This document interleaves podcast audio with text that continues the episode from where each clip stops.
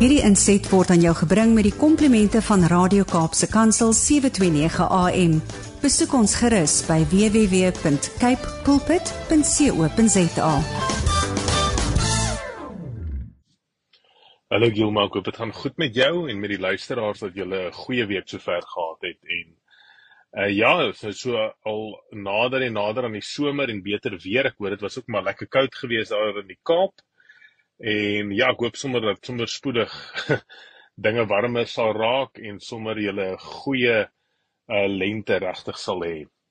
Uh vandag wil ek gesels oor Arian leierskap wat ek dink verskriklik belangrik is en uh baie min dat daar regtig in diepte oor hierdie onderwerp gesels raak en dit gaan daaroor dat wanneer jy invloed en impak in mense se lewens het en as 'n leier gesien word in gemeenskappe of in die werksplek of by die skool of waar jy ook al beweeg deur die dag is dit verskriklik belangrik dat jy as leier moet weet dat jou aksies en dit waarmee jy jouself besig hou baie invloed en impak het op die mense om jou. En dis dis ook ons definisie van leierskap is is 'n persoon wat besef hy het invloed en impak. Tweedens 'n persoon wat die keuse maak om positiewe invloed en impak te hê en dan laastens om te soek vir meer geleenthede van invloed en impak. En wanneer jy daai invloed en impak het, besef jy baie vinnig dat jy dat baie, baie mense om jou se motivering hang baie af van dit wat jy doen en dit wat jy sê. Maar veral dit wat gedelegeer raak aan mense om jou. En ek praat nie net van gee vir mense die werk wat jy nie wil doen nie. Ehm um, ek het al byvoorbeeld 'n klomp keer gehoor dat daar mense is wat of leiers is wat sê luister ek is 'n ek is net 'n visionêre leier. Uh maar al die administratiewe goed wat ek nie van hou nie gee ek vir mense om ons.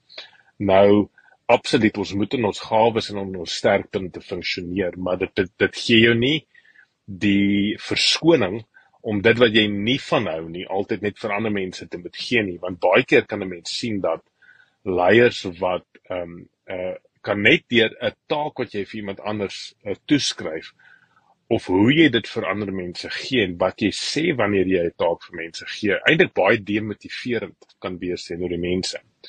So jy as leier moet baie bewus wees daarvan dat dat dit wat jy vir ander mense sê en teenoor ander mense doen, uh direk invloed en impak kan hê op daai mense se motivering en daai mense uh uh hoe hulle hoe hulle ook voel en voel hulle gewaardeer en voel hulle hulle voeg ook noemenswaardige waarde tot dit waarvoor waarvoor hulle ook in die oggende werk toe kom en so voort. So dis vir ons verskriklik belangrik dat uh, dat leiers moet weet dat dit baie ehm um, baie van eh uh, verantwoordelikheid op hulle lê om seker te maak dat hulle mense ook gemotiveerd is. Nou natuurlik is motivering 'n baie wil ons hê dit moet 'n intrinsieke 'n dryf wees binne in mense, maar ons moet ook weet ongelukkig word nie almal se motivering gedryf net intrinsiek uh, van binne af nie. Daar's baie keer buite dinge wat mense ook motiveer.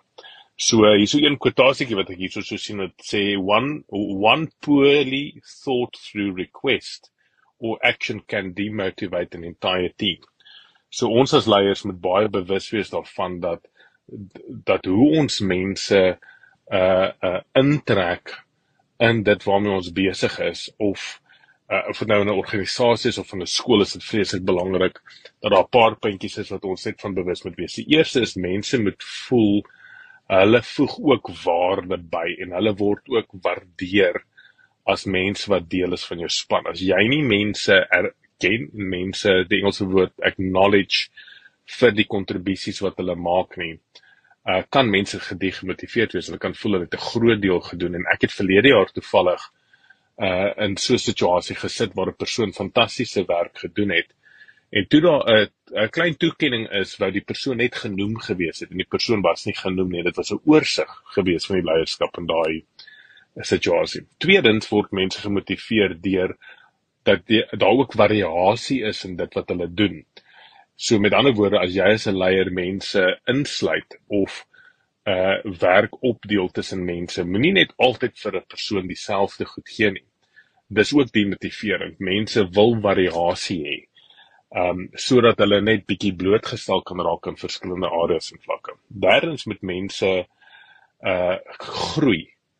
Uh ek het al baie keer ongelukkig gesien dat mense vir jare, vir 10 jaar, 15 jaar net dieselfde dinge doen. Jy as leier is verantwoordelik om mense te help om te groei en mense te help soek na wat is die volgende stap. Um groot stappe wat maatskappye deesdae doen is om vir 'n persoon 'n 5 jaar en 'n 10 jaar plan uit te werk. En dit is verskriklik belangrik dat ons dit ook moet doen met ander mense. Ons moet seker maak dat ons mense gesonde koneksies bou met mense om hulle ook. En baie keer moet jy mense help om koneksies te bou dat mense nie geïsoleerd raak nie. En veral nou so in die post uh, uh COVID tyd waar mense dalk uh, van die huise af werk en so voort, is dit baie belangrik dat jy aktief dit bestuur. Mense wil voel hulle maak bydraes tot dinge. Toe gee vir mense geleenthede en staan terug dat mense uh uh um uh, kan bydra tot 'n projek of tot 'n spesifieke ding. En dan tweedens laastens mense het 'n behoefte om duidelikheid te hê en sekerheid te hê oor waarheen hulle gaan. So jy as leier is baie verantwoordelik om mooi aan mense te kommunikeer. Dis waarheen ons gaan. Dit is jou pad vorentoe, dit is my pad vorentoe. Nou as ding onseker is, is dit belangrik om te sê, luister, dis waarheen ek sien. Dis my nog redelik grys. Dit is nie duidelik ehm um, wit of swart nie, maar dit is my grys op die oomblik. Maar dit is die plan hoe ek dit graag wil weet. So mense wil sekerheid hê van waarheen gaan hulle waarheen beweeg dalk jy as leier. En dan lê laastens, uh, ek weet nie eens nou wat die uh uh mooi Afrikaanse woord vir dit is nie, maar mense het ook 'n behoefte om ook 'n legacy te los om iets na te laat vir die dag wanneer hulle nie meer daar is nie. So jy as leier moet mense help en hulle herinner daaraan om te sê maar hulle moet ook aan dit dink en wat is dit wat hulle wil nalat? Want dit wat hulle wil nalat, moet jy tog nou in fokus. Jy kan tog nie sê jy wil hierdie jy wil hê mense moet so jou onthou jy eendag nie meer daar is nie maar jy spandeer nooit tyd om om om daai ehm um, daai reputasie te bou vir dit wat jy dalk wil nalat nie. So ons as leiers is baie verantwoordelik om mense te help op die pad. So ook na onsself te kyk dat ah, kan ek kan ek hierdie sewe puntjies uh vir myself ook sê kry ek hierdie goed in plek maar de, definitief moet ons baie aktief en proaktief werk met die mense om ons om hulle te ondersteun in hierdie areas en hoe ongelooflik is dit nie dat ons as ons kyk na wat Jesus gedoen het, hoe Jesus mense uh regtig gevalue het. Jesus het vir mense baie variasie gegee vir sy disippels. Hy het sy disippels uitgedaag en laat groei.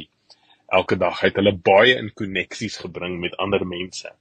Hy het hulle laat weet hulle gaan baie bydra tot vorentoe. Hy het vir het vir Paulus uh, vir Petrus gesê jy's die hoeksteen waarop ek die kerk gaan bou. Nou kyk, dit is om baie mooi vir sy disippels te laat verstaan, julle gaan baie bydraes lewer.